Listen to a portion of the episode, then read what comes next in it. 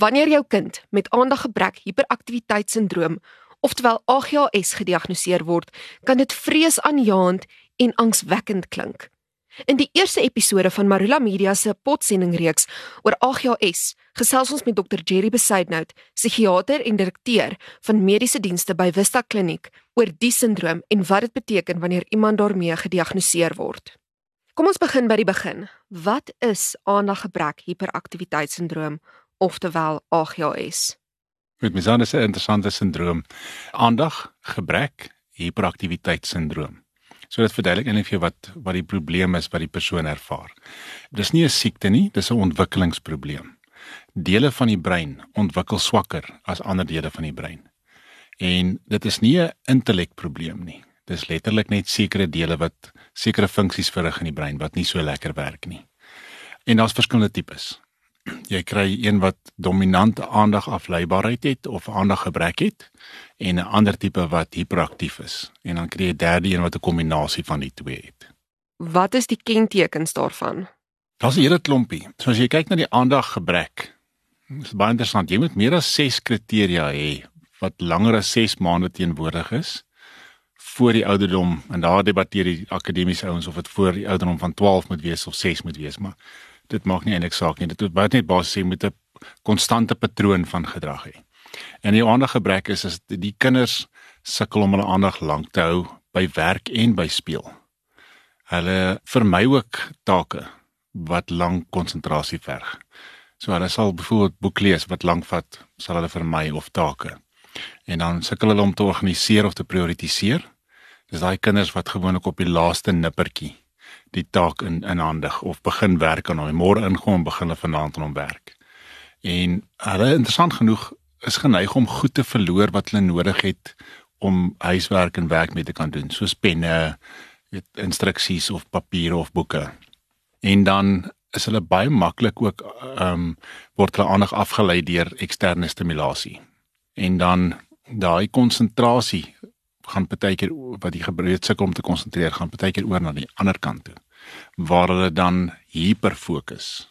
So dat een ding wat hulle op ingaan, maar dan kan jy glad nie hulle aandag aftrek van dit af nie. Hulle fokus net op daai een ding. So dit is maar die hoofareas rondom daai die aandag gebrek. En dan kry jy nou die hiperaktiwiteit deel.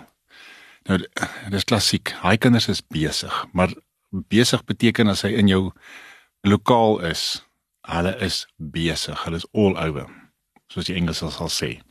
Hulle praat baie hard of hulle speel baie hard. Hulle sal baie keer in 'n situasie waar hulle moet sit, sal hulle opstaan en rondloop, so in die klaskamer. Of in 'n situasie wat ontoepaslik is, sal hulle op goed klim of rond beweeg.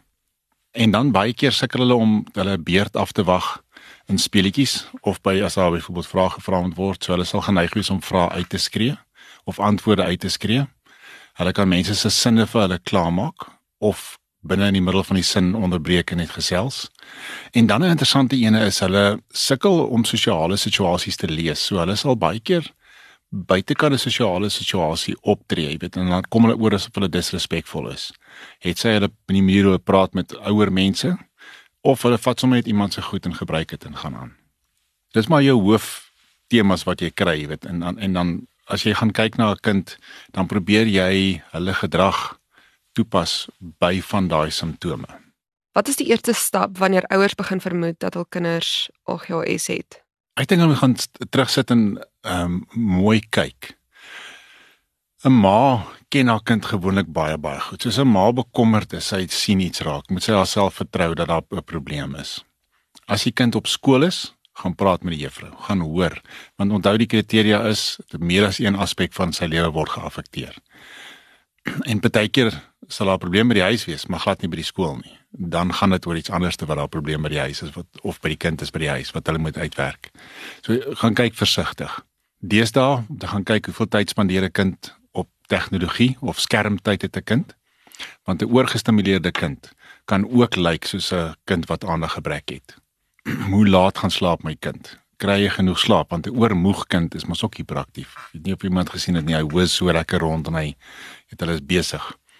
So om te gaan kyk na die totale prentjie van jou kind. Wat wat is ander faktore wat mag dalk bydra dat dit lyk of jou kind hiperaktief is of ander gebrek is? En dan gehoor by oupas en oumas en en vriende. Nie die kind se vriende nie, want hulle gaan nie kan sê nie, die kleintjies nie. So maar die ouers, want as jou kind by 'n maatjie gaan kuier, die normale sosiale gedrag is 'n kind is moeilik by die huis en word maniere geleer en dan as hulle by die maatjies is dan wys hulle die maniere. Jy weet ouers sal baie keer sê ek ken nie daai kind nie. 'n kind met ander gebrek en hiperaktiwiteit sukkel om dit te doen. So hy sal by 'n maatjie se huis ook sy simptome wys. So dan gaan daai ma vir jou kan sê maar oeg, jy weet jou seentjie het my seentjie sommer net gestamp of weet toe hulle speel volgende te gryp in die met die die cricket golf en hy begin speel en slaan en hy sukkel om sy beurt af te wag en so. So gaan kyk baie mooi versigtig. Want daar's baie goed wat vandag maak dat ons kinders lyk of dit ander gebrek is. 'n Algemene vraag wat ek baie keer kry is, weet, moet ons na ons dieet gaan kyk. Die gemiddelde Suid-Afrikaner eet 'n goeie dieet ons het nie so swak dieet nie. As jy heeldag net Nando's eet of Kentucky Fried Chicken, ja, dan moet jy gaan weet, okay, ja, daar's iets fout met die dieet en jou kind het dalk iets nodig. En daar is 'n klein persentasie vir kinders wat so swak eet dat hulle vitamintekorte het en dat dit lyk soos ander gebrek.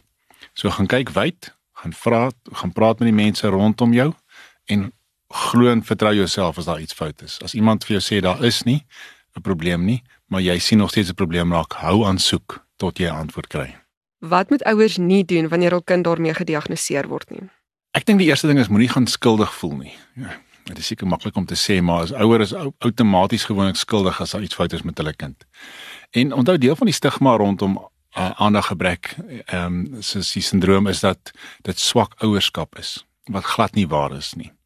So wees versigtig om eers die fout by jouself te gaan soek en te gaan sê o, ja, ek was 'n swak ouer of ek het 'n stout kind. Daai twee goeters is oor en oor bewys, dis nie die rede nie of ek het 'n dom kind nie. Niks met 'n kind se intellek te maak nie. Die gebrek kan maak dat jou dissipline styl en jou opvoedingsstyl werk nie vir jou kind nie. Beteken jy jy's 'n swak ouer nie. Beteken jy jy het 'n stout kind nie. Beteken nie daai interaksie werk nie en jy gaan jy gaan dalk moet aanpas en anders te hanteer as gevolg van daai ontwikkelingsprobleem. Skakel volgende week in vir die volgende aflewering in die reeks wanneer Dr Jerry verduidelik hoe jy met jou kind oor AGHS moet gesels.